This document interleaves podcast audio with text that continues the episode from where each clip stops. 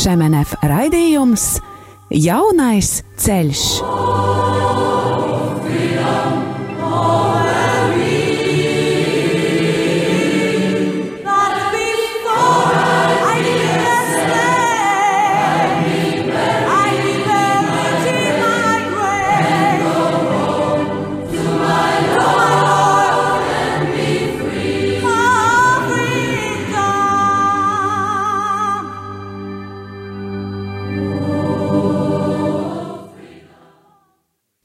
Labvakar! Šovakar kopienas šamanef raidījumā Jaunais ceļš. Mēs sveicinām jūs no Liepājas. Es esmu Inese Mote un kopā šovakar ar mani es uzaicināju mūsu kopienas pārstāvi. Labvakar! Mani sauc Līvija Safronova. Esmu no kopienas Šemenef. Patreiz kopā ar vīru dzīvojam kopienas Šemenef mājā Liepājā. Tātad sveicinam jūs no šīs tā mazliet attālās pilsētas un eh, sveicinam eh, šajā vakar stundā un aicinam jūs ar mums pārdomāt šovakar tēmu, kādas sekas uz mūsu mentalitāti atstāja padomju totalitārisma režīms. Tā ir diezgan plaša tēma, ko mēs esam apskatījuši kopienā, Un e, šo tēmu mēs mēģināsim pārdomāt divu raidījumu laikā. Un šovakar mēs e, mēģināsim uzsākt šo pirmo daļu. Personīgi es pirmo reizi par šo tēmu sāku domāt, kad e, man bija iespēja mācīties Austrijā Gamingā starptautiskajā teoloģijas fakultātē, un šajā vietā bija vieta, kur satikās divas pasaules Austrum Eiropas studenti, tie bijām mēs, no Latvijas, Lietuvas, Ukrainas, Čehijas, Polijas un Amerikas un Rietuma Eiropas studenti. Skaidrs bija viens, ka mūsu uztver un reakcijas bija ļoti atšķirīgas par samērā daudz lietām, un gan, gan sadzīviskajā, gan reizēm arī garīgajā uh, jomā. Viņiem bija slavēšanas uh, vakar, tas bija 90. gadu laiks, bet mēs, uh, kā tādi īsti tradicionāli baznīcas pārstāvi, reizēm to vērojām no malas un domājām, vai tikai viņi netēlo tās rokas cilādami, savādā balsī dziedādami, smiedamies, priecādamies, jo bijām pieraduši vairāk pie tādas nopietnas noskaņas arī mūsu lūkšana reizēs brīžos. Un uh, mēs Austrum Eiropas studenti varējām mācīties, mēs varējām vienlaicīgi arī piestrādāt vakaros studiju mājā tīrot telpas, jo mums bija jānopelna kāda, kāda iztika, lai varētu dzīvot um, um, Austrijā mācējām arī reizēm viegli veikli pašpikot, ja bija vajadzība.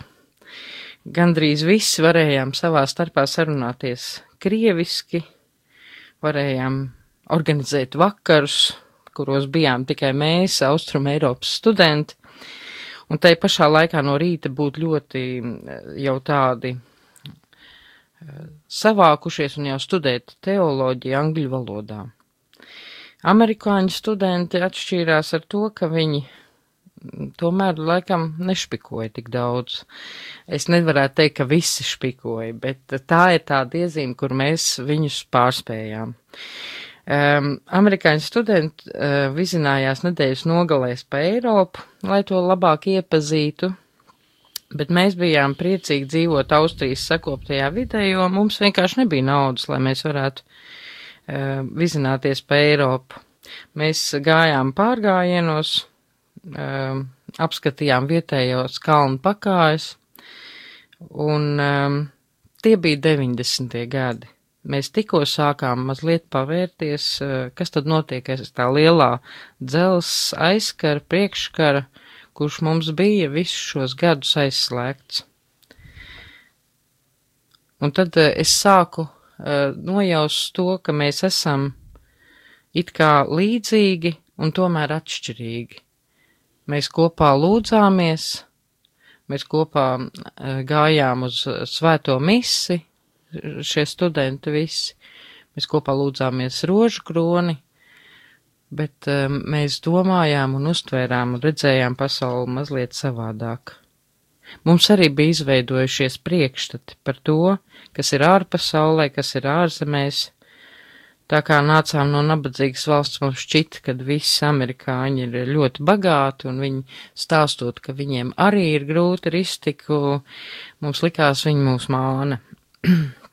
un eh, šīs pārdomas es biju aizmirsus uz kādu laiku, un tad uh, mūsu kopienā uh, tika uzaicināta Katarīna Lahmanova, kas ir čehiete, uz semināru, kura mums stāstīja par šo seku iespēju uz mūsu mentalitāti, jo ne tikai mums šeit varbūt padomjas savienībā šādas sekas mēs varējām pamanīt, bet tās varēja pamanīt arī Čehijā, tās varēja pamanīt tagad jau Slovākijā, Polijā. Tātad Katarīna Lahmanova ir Čehijas harizmātiskās atjaunotnes kustības līdere. Viņa ir licenciēta psiholoģijā, vairāk kārtēji doktora dažādās teoloģijas jomās, un pašreiz viņa pati strādā karmelīta izdevniecībā Čehijā. Un kopienu Šemenef viņa bija uzaicinājusi jau Čehijas mājā runāt par šo tēmu, un tad mēs eh, kopienā sapratām, ka šī tēma ir joprojām aktuāla, un viņi runāja starptautiskajā kopienas nedēļā, un šī, šī tēma tika nodota praktiski visām pasaules uh, tajām vietām, kur mēs esam kā kopiena, lai mēs paši to studētu, pārdomātu, atcerētos un domātu par mūsu reakcijām. Tātad, kādas seks mums ir atstājis komunismu režīms? Un vairāk tas varbūt ir vērsts uz mums, kas esam dzīvojuši šajā totalitārisma režīmā. Un tomēr eh, līdzīgi mēs varam runāt par jebkuru režīmu, par jebkuru režīmu sekām uz cilvēku dzīvi. Tie, kur ir dzīvojuši kādā noslēgtā sabiedrībā, kādā vietā, kas ir tikai, piemēram, varbūt šeit mēs varētu domāt par sektām, Mēs varētu domāt arī par kādu ģimeni, kur ir valdījis totalitārisms iekšējais. Visur ir redzams paralēls par sekām mūsu domāšanā, mūsu reakcijās, mūsu uztverē. Un tomēr šodien par šo padomu režīmu ir pagājuši gandrīz jau 28 gadi, kopš komunisms ir pazudis no mūsu valsts bet tas ir mūsu zemē tomēr valdījis vairāk kā 40 gadus, un tas ir atstājis mums diezgan pamatīgas rētas visiem. Skolā, darbā, sabiedrībā, pat bērndārs, vis, visur tika veidot šī mentalitāte. Un pat ja ir šodienas sistēma ir mainījusies, tomēr um, pēc padomju savienības izbeigšanās daudzās jomās um, palika šie paši speciālisti, kas uh, darbojās iepriekš jau padomu laikā. Tie paši cilvēki izglītoja, tie paši cilvēki vadīja, tie paši cilvēki veidoja mūsu valsti. Un tādējādi pat neapzināti šis veids, kā dzīvot un darīt, tika padots tālāk. Tātad mēs varam pieskarties šeit tādiem diviem punktiem. Um, Pirmais, ka totalitārisma režīms un, me, un tā mentalitāte, ko mēs esam saņēmuši, ir problēma šodienai. Un otrais ir uh, mazliet pozitīvāks. Uh, tas, kurš ir piedzīvojis šādu totalitārismu režīmu, ir daudz jūtīgāks pret šādām iezīmēm. Tas var vērst cilvēku uzmanību uz to veidu, kā tiek darīts šodien, un neļaut šādām tendencēm atkārtoties. Un, lai šīs tendences neatkārtotos, mums reiz pa reizei laikam ir jāatgādina, kāds bija šis laiks. Lai mēs varētu atbrīvoties no šīs domāšanas un reakcijas, un beig beigās mēs cilvēki mums ir jālūdz Dievu šķīstīt no šīs verdzības, no šī, šī jūga, kas ir mūs pat mazliet jau pārņēmis. Un tad šodien runāsim par problēmu. Bet um, pirms es uzsākšu runāt par šo problēmu, mēs uh, paklausīsimies kādu Kasparu Dimitru dziesmu, jo man šķiet, ka Kaspars Dimitrs ļoti labi iedarās ar savu ļoti precīzo valodu, ar uh, tiešiem tekstiem, un tādēļ tagad muzikāla pauze. Šķiet.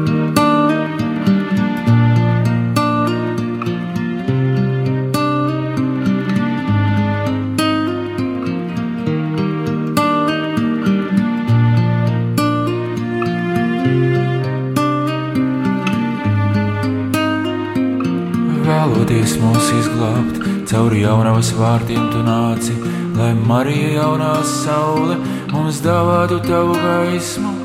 Kristus atrada viņu par svētāko no mums visiem, Mariju svēt dzīves pērli, tai mirdzumu dāvājot savu, tā mīlēja Dievu visvairāk, tās ticībā nebija šaubu, vien Dieva ceļus tā gāja, sev līdzi aicinot visus Marijas pēdās, katru tā vedīs pie Kristus. Dievs Kristu atklāja sevi un Marijā savu māti.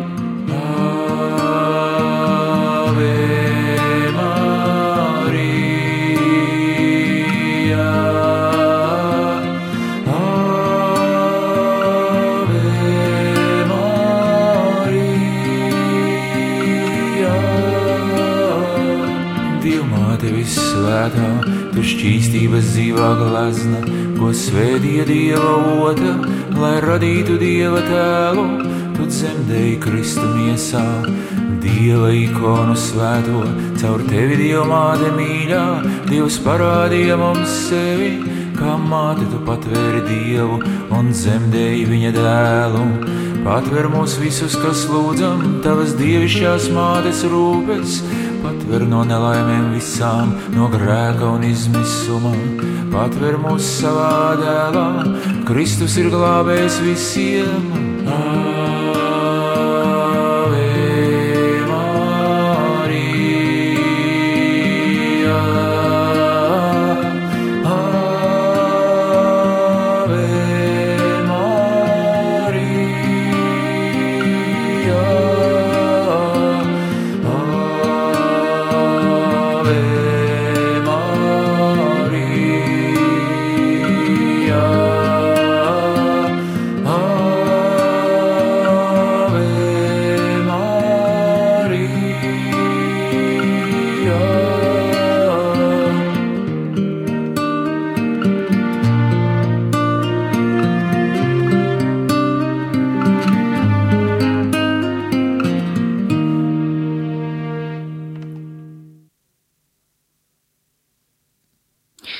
Tātad mēs turpināsim mūsu raidījumu, un, ja runājam par problēmu, kas bija totalitārisma režīmā un ko tas mums ir atstājis, vispirms apskatīsim, kas raksturoja šo režīmu, un, lai to apskatītos, mums vajadzētu atskatīties mūsu vēsturē, ļoti vienkārši tajā, ko esam piedzīvojuši, to, ko atceramies.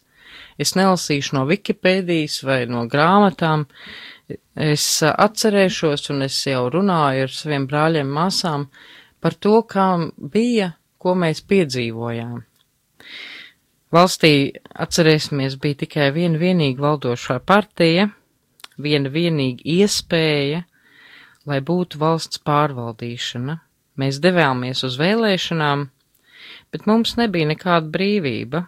Uh, un atcerieties, uh, Nebija brīvība izvēlēties, kā to varam darīt šodien. Katrs paņēma šo vēlēšanu biļetenu, uz tā viss jau bija uzrakstīts, un mēs drīkstējām to iemest turnā. Un ja es to nedarītu, tad iespējams man būtu problēmas. Tādu varbūtību mēs pat nepieļāvām. Jo acīm redzot, jau kādiem bija problēmas, un mēs tikām visi audzināti, ka mums ir tas obligāti jādara šis pilsoņu pienākums. Tā tad viena valdība, kas nekad nemainās. Un mums bija jādzīvo tādā vidē un jāizliekas, ka tā ir labākā izvēle, un viss ir lieliski, un viss tiek darīts kopējam labumam. Nebija arī nekāda atgriezeniskā saite, jo tajā laikā jau tas nebija atļauts. Ja kāds izvēlējās opozīciju, bet tādu nebija daudz, tas uzreiz eh, kļuva nevalstisks, pat aizliegts un sodāms. Un melu teorija bija tik eh, spēcīga tajā laikā, ka runāja vienu to pašu par labāko nākotni, bet cilvēks kā tāds nebija ne, nekā vērts, cilvēkam nebija pilnīga vērtība. Mēs runājām un uh, dzirdējām, runājot visu laiku par labāku nākotni, bet cilvēku vērtība nebija nekāda vērtība.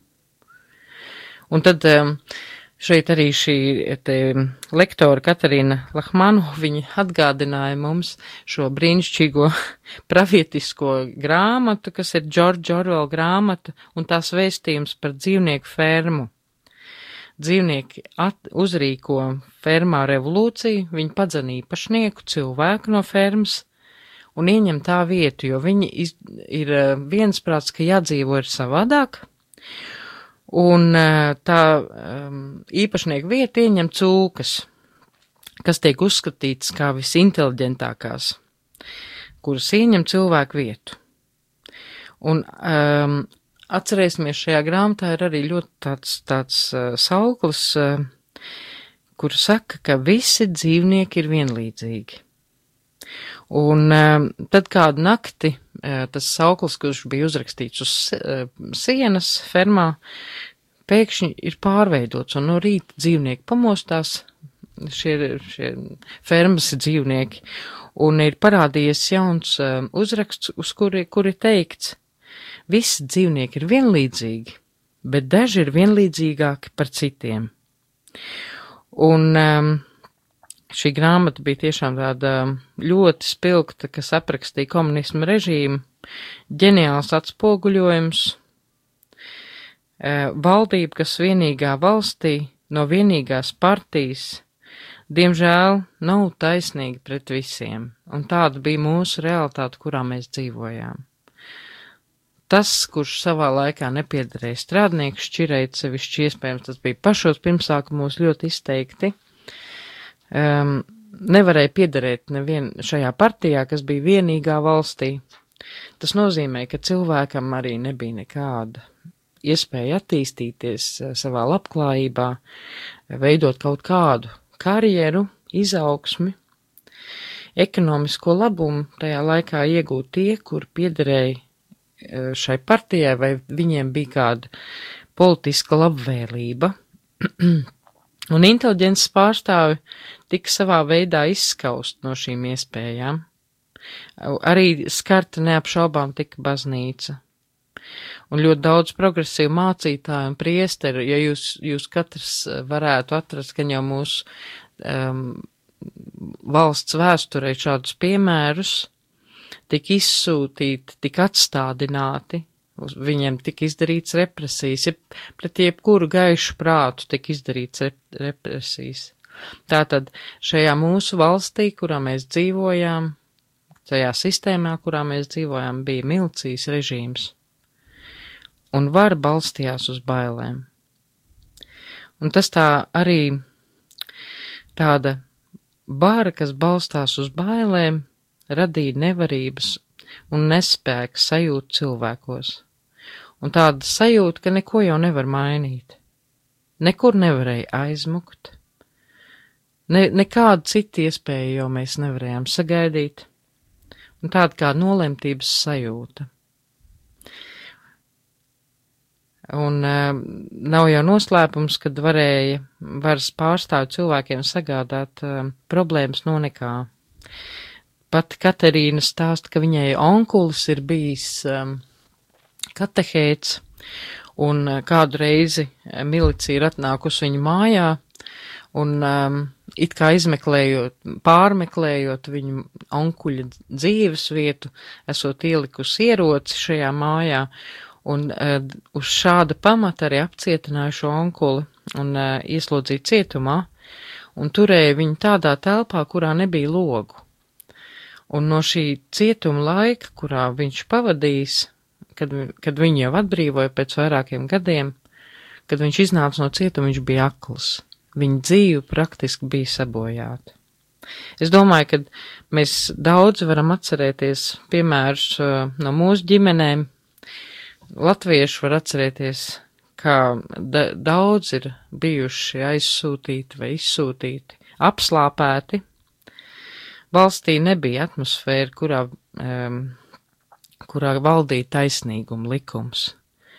Un milicija praktiski šī te vara noteica vienīgo patieso likumu. Tie, kuri tādu režīmu nav piedzīvojuši, viņiem ir grūti izprast.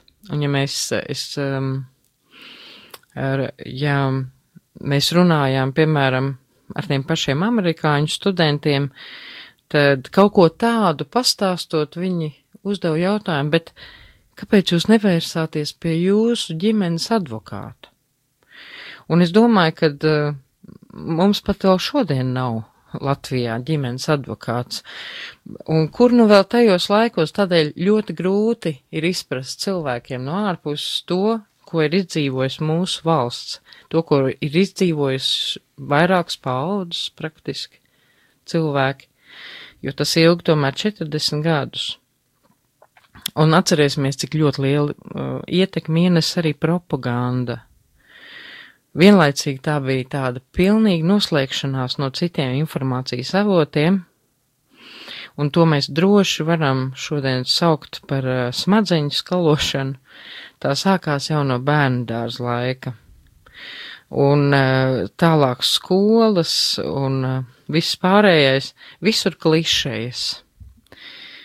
Piemēram, ka mēs dzīvojam ļoti ideālā valstī, un rietumi degradējas kad uh, rietumi pūst, bet mēs uzplaukstam. Uh, un viss šīs lietas tika pasniegts kā morāla vērtība aizstāvē, aizstāvēšana.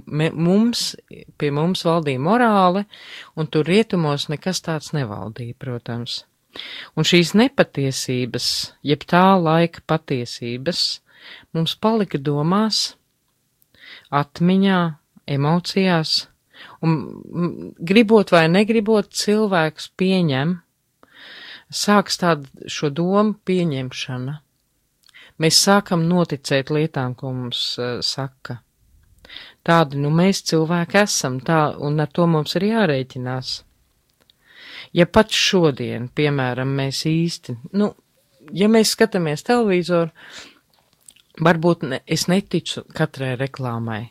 Tomēr šī informācija mums kaut kur paliek mūsu iekšējā atmiņas failā, ja es tā varētu atļauties teikt.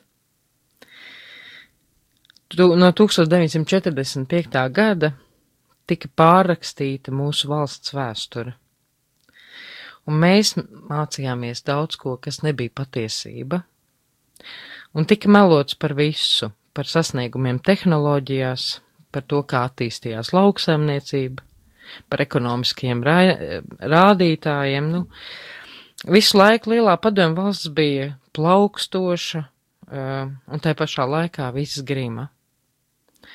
Agrikultūra tika izpostīta, tehnoloģija bija novecojusi. Veikalos nevarēja nopirkt produktus, bet teica, ka piecgads plāns ir izpildīts teicami. Mēs to visu dzirdējām, oficiāli valsts plauka, Un tā bija propaganda, kas mums bija jātēlo, ka viss ir labi, un ja tu biji opozīcijā, tad tu nezināji, cik ilgi, kā, kā tas būs, vai, vai tu ne, nepazudīsi kādu brīdi. Un tā tad mēs, mūsu vecāki, mūsu paudzes veidojās arī varbūt, varbūt um, jaunākā paudze to vēl tik labi vairs, paldies Dievam, neatcerās, bet uh, vara balstījās uz bailēm. Vara balstījās uz bailēm, un um, es gribētu lūgt arī tādu reālu uh, liecībiņu uh, Līviju šovakar šeit studijā. Varbūt Līvija, tu esi dzīvojis mazliet vēl agrāk nekā man ir bijuši šī iespēja. Varbūt tu vari padalīties uh, par dažām mazām lietiņām, kas kā, kā bija tajā laikā eh, ko tu esi piedzīvojis. Tās ir tikai tādi nieki, bet tomēr. Jā, tas tiešām būs tādi atsevišķi momenti no manas dzīves. Viens no tiem, atceroties šos padomu gadus, kad vēl mācījos skolā, mājās mīļākais svinību laiks tieši ģimenes lokā bija Ziemassvētki, tas ir Ziemassvētku vakars. Protams, man kā bērnam tas bija tāds arī reizē īpašs dāvana laiks, un um, atceroties šo Ziemassvētku maltīti ģimenē, galds bija tā īpaši klāts un vienmēr arī oblāts bija galdā, bet tajā pašā laikā logiem priekšā bija aizskari, eglīte bija kādā istabas stūrī, un uh, svecīts ar netik pārāk ilgi dedzināts, jo, nu, ka tik kādi kaimiņi neredz, un uh, tādi jūtam, protams, tad es to nejūtu, bet uh, tā bija tāda piesardzība un reizē arī bailes. Un uh, nākošais moments, es, kas man nāca tā prātā vairāk, bija 1981. gads, februāris, uh, kad mēs aprecējāmies ar vīru, un padomu laikā laulības baznīcā nebija oficiāli atzīstamas, arī laulības apliecība laulājoties baznīcā netika izsniegta, lai reģistrētu laulību oficiāli valsts priekšā bija, tā bija jānoslēdz dzimtsarakstu nodaļā. Tajā laikā mans nākamais vīrs bija jau beidzis augstskolu, es vēl mācījos pēdējā kursā. Un Pašas kāzas svinības mums bija paredzētas sestdienā pēc laulību reģistrācijas dzimtsarakstu nodaļā. Un uh, mūsu vēlēšanās bija, lai mūsu laulība tiktu noslēgta arī Dievu priekšā, un tā mēs uh, ceturtdienas vakarā tumšā reizeknis Jēzus sirds katedrālē, tas bija februārī, uz altāra dega dažas gaismiņas. Es atceros, ka baznīca bija tāda tiešām tumša, tikai altāra daļā bija nedaudz gaisma, un priesteris mūs salauzāja klātesot diviem lieciniekiem.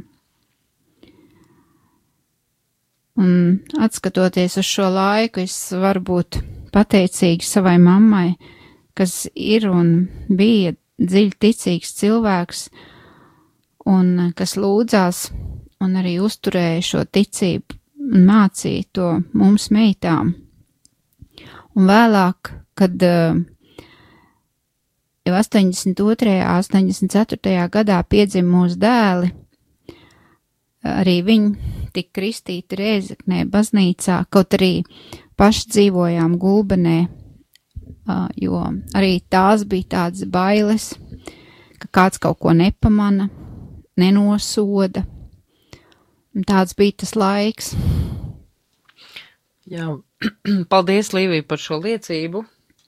Mēs atgriezīsimies par šo um, baiļu uh, varu, kas valdīja, bet pagaidām varbūt neliela atkar, kas par Dimitera dziesmu muzikālai pauzei.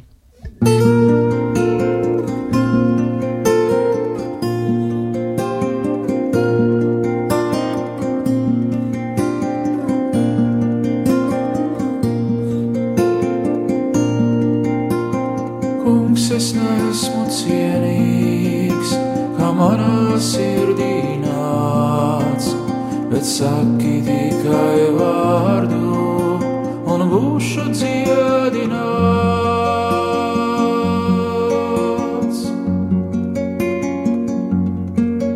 Sirds grēku aptumšotā, tad žēlastību būs un tevis apgaismotā But am I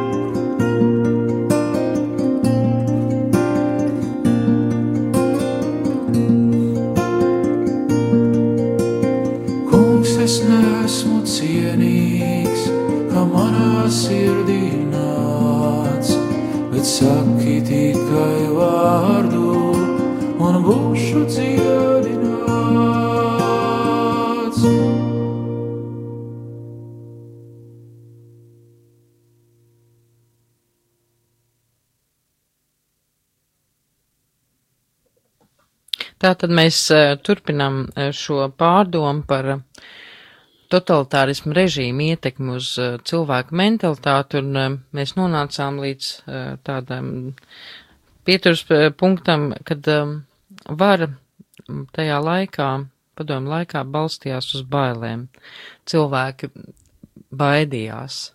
Arī Līvija stāstīja tomēr savā liecībā, ka tās bija bailes, lai neviens neredz, lai nebūtu nepatikšanas, jo tā tad bija pieredze, uz kā bal šīs bailes veidojās.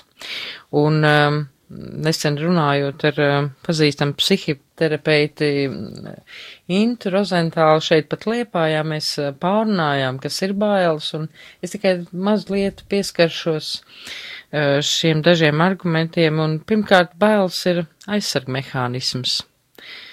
Pozitīvs aspekts kas raksturīgs varbūt bērniem, ka tas iemācās to, kas bīstams un kas nav bīstams. Un tā ir tāda īstenībā tāda bērna aizsarga pozīcija, tāda bērns baidās, ja viņš nezina, viņš baidās, kas var būt, no kādas reakcijas.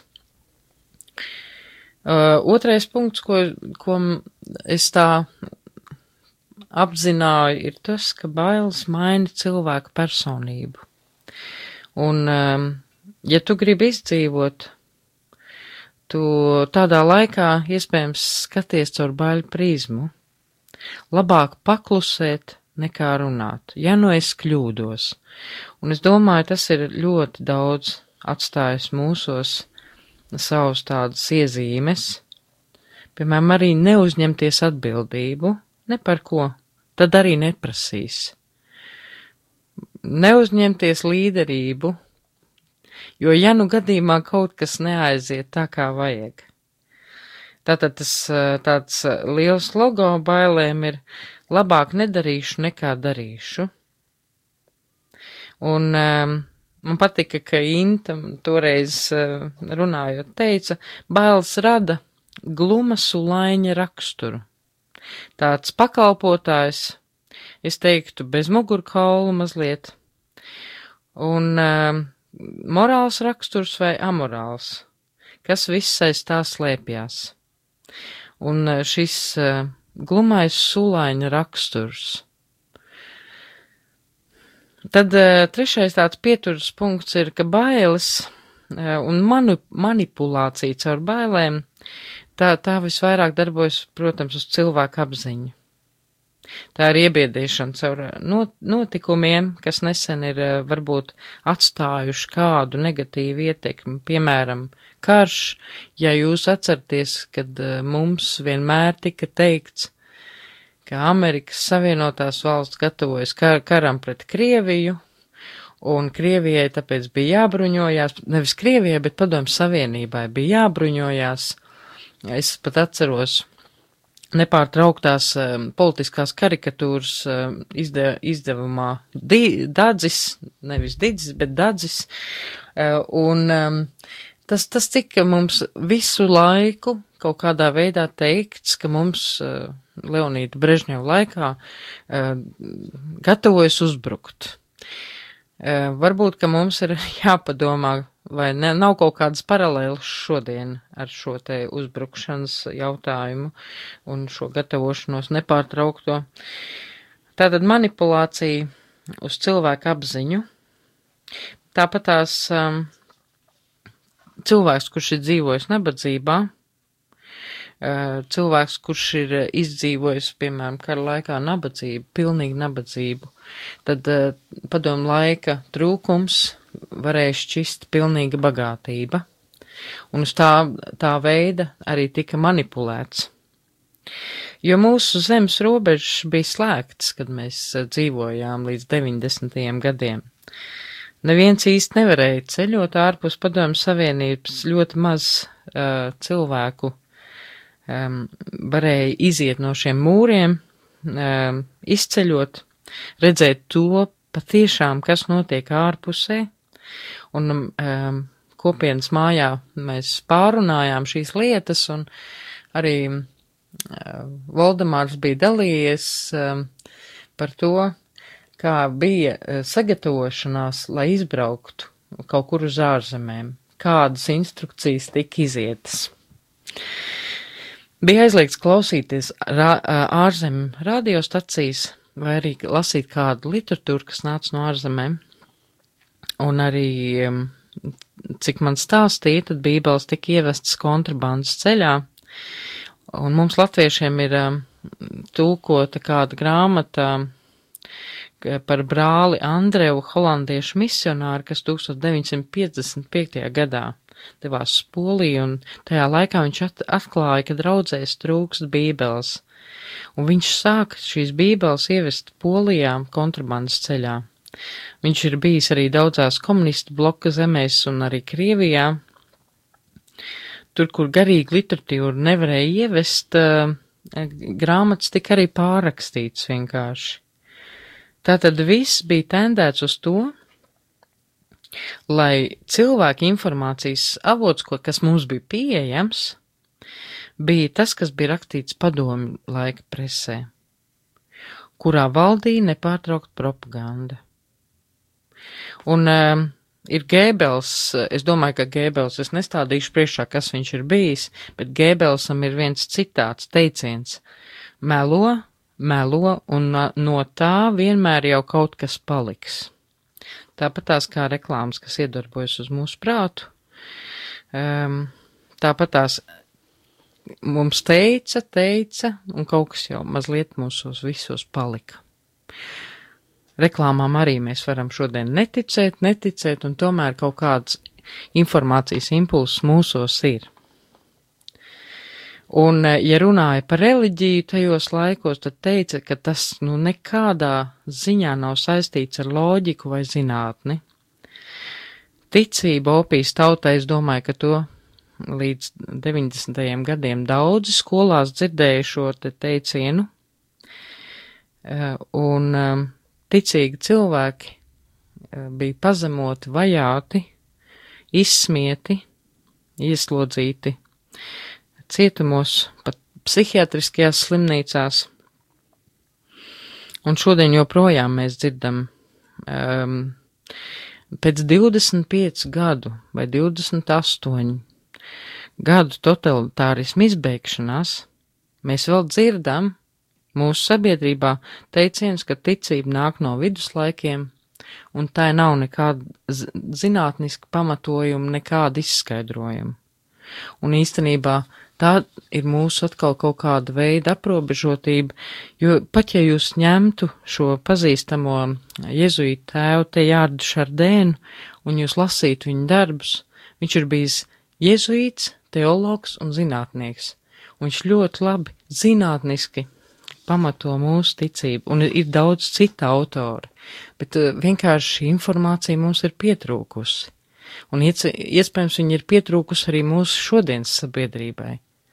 Ja pēc tik daudziem gadiem mēs varam teikt, ka ticība, um, ka ticība nav nekādīgi eh, loģiski, zinātniski pamatota. Reliģijai nav ar to saistība. Un eh, šī sistēma mūs piespieda izturēties kā liekuļiem. To, ko mēs teicām eh, sabiedrībā, sabiedrībā publiski, nebija tieši tas pats, ko mēs pārunājām mājās. Un bērniem mājās tika noteikts, ko drīkst runāt, un arī tika noteikts, ko nedrīkst runāt. Ko nedrīkst stāstīt skolotājai. Šīs visas lietas atstāja iespēju uz mūsu cilvēku mentalitāti. Un uh, reizēm šo mentalitāti mēs varam sastapt joprojām. To, ko es saku, ir nevienmēr tas, ko es domāju patiesībā. Neliela muzikāla pauzīte ar kas par Dimitru. Savā valstībā kungs pieminījumu kā tu nāksi savā valstībā. Svētīgi garā nabagie, jo tiem pieder debesu valstība. Svētīgi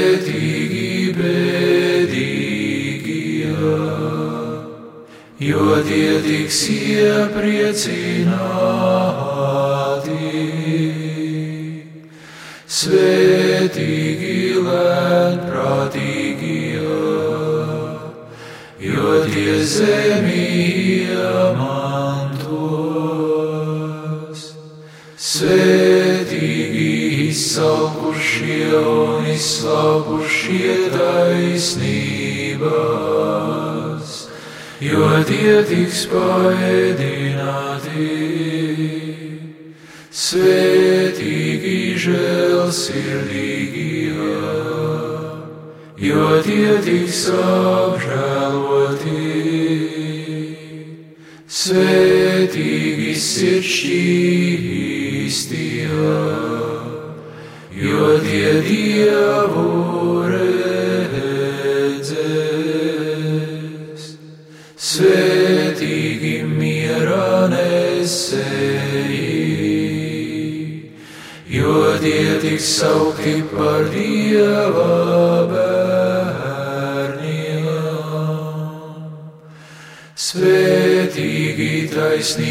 still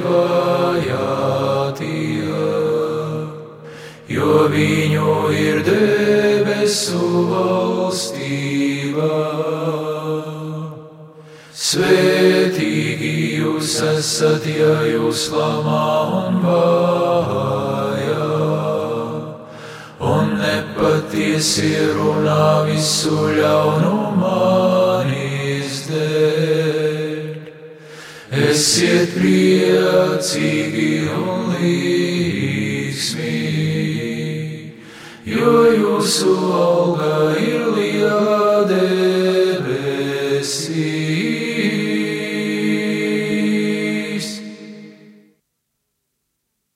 Tātad, turpinot šo tēmu, atcerēsimies, mēs nobeidzām ar to, ka šī sistēma cilvēku piespied izturēties kā liekulim. Un um, neapšaubām viena no tādām liekulības um, pazīmēm mūsu sabiedrībā un iepriekšējā sabiedrībā bija korupcija. Nav grūti redzēt, no kurienes mums tas viegli nodevies mantojumā šodien. Atcerēsimies uh, Ma, eh, tās lietas atcerēsimies, kas bija ļoti saprotams, ko mēs varam ļoti viegli izprast. Piemēram, to, ka lietas bija ļoti maz, un ies, iegādāties lietas, materiāls lietas bija ļoti grūti. Piemēram, tajā laikā bija praktiski neiespējami nopirkt automašīnu. Vai nu bija kaut kādas mistiskas rindas jāstāv, ne jau jāstāv, bet jāgaida. Un ja to automašīnu arī varēja nopirkt ģimene, tad nevarēja nopirkt autodetaļas. Un autodetaļas varēja nopirkt tad pa lielām pazīšanām vai pa lielām naudām. Un es domāju, ka man nav jāstāst, ka cilvēki ļoti labi zina, cik tu, tas mūs visus um, veicināja uz radošumu, pašiem darīt, pašiem kaut ko strādāt, pašiem veidot lietas un dažādus jauninājumus ieviest. Un nekas jau īsti legāli nedarbojās. Bija ļoti smalki izstrādājusies korupcija valstī. Un Čehijā esot bijis tāds teiciens, ja tu nezodz savā darba vietā, tad tu apsodzi savu ģimeni. Mēs laikam latvieši, es neatceros tādu teicienu mūsu mājā, bet e, kaut kas līdzīgs varētu būt. Jo, ja darba vietā cilvēki mēģināja kaut ko paņemt, tas bija tāpēc, ka nevarēja it kā nopirkt. Jo nebija jau runa par cenām, ne, nebija ko nopirkt tajā laikā. Apslēptā veidā uh, lietas tika arī vests um, pārobežai, ne tikai bībeles un garīga literatūra, bet arī sadzīves lietas. Tātad katrs jau mēģināja, mēģināja kā varēja, vai nu pārdot, vai nopirkt preci pa kluso. Un uh, tas um, ļoti sadragāja mūsu attiecības ar um, kopējo labumu, ar lietām, kas piederēja kopā. Padomu laikā nebija nekāda privāta īpašuma, tie tika atņemti un viss kļuva kopīgs, nebija arī īsts saimnieks šiem īpašumiem, fermas, rūpnīcas uzņēmumu, kur cilvēki no paudzes uz paudzi bija nesuši, veidojuši šos uzņēmumus, tagad pēkšņi kļuva piedaroši kādai kopībai, kolhozam, Un par atbildīgiem jau viņi nevarēja būt šie īpašnieki, kuriem tika atņemti šie, šie īpašumi. Bieži vien tika ielikti cilvēki no strādnieku šķirs, kas nevienmēr bija profesionāļi šajās te jomās, bet kas bija uzticami, kas bija labi draugi partijai, bet kur nevienmēr pārzināja ražošanas procesu, kur nevienmēr pārzināja lopkopību. Un, ieprie, un labākā gadījumā iepriekšējais īpašnieks, kuram bija atņemts šis īpašums, viņš drīkstēja strādāt kā strādnieks savā saimniecībā un lēnām redzēt, kā tiek iznīcināts vai, nu, izšķērtēts viņa īpašums, izzakts, piemēram. Um, un es domāju, un arī uh, šī lektora ļoti skaidri teica, ka tās ir iezīmes, kas mums kaut kādā veidā ir palikušas uz to, kā mēs izturamies pret mūsu kopējo labumu. Un um, man liekas, ka um, mums nav jāmeklē tālu, uh, lai redzētu, kā mēs izturamies pret mūsu kopējo labumu šeit pat Lat Latvijā.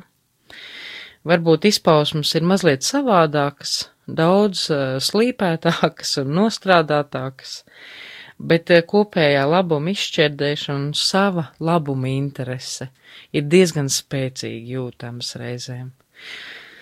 Un eh, nobeidzot šo raidījumu, šo daļu, kurā mēs runājam par šo te pieredzi, padomu laikā par šo problēmu, eh, ir ļoti daudz nianses, ko mēs varētu vēl pieminēt. Bet Dievs mums nav devis dzīvību, lai mēs dzīvotu kā vergi, zem šāda totalitārisma jūga pa, uh, iezīmēm, bet lai mēs dzīvotu kā dievbērni un nebūtu salīkuši kādu priekšā iztapīgi, kā sulaiņi, glumi sulaiņi, bet stāvēt taisni un ar pamatu mūsu dieva tēva debesu tēvu priekšā. Es novēlu jums jauku vakaru, šovakar es atvados. Mēs priecājamies, ka jūs bijāt ar mums šo laiku, un um, lai Dievs mūs visus svētī un dod gudrību mūsu valsts vadītājiem, lai Dievs dod gudrību mums cilvēkiem, kā mums būt šī zemē, kā mums būt šī valstī, gatavoties šai valsts simtgadēji. Oh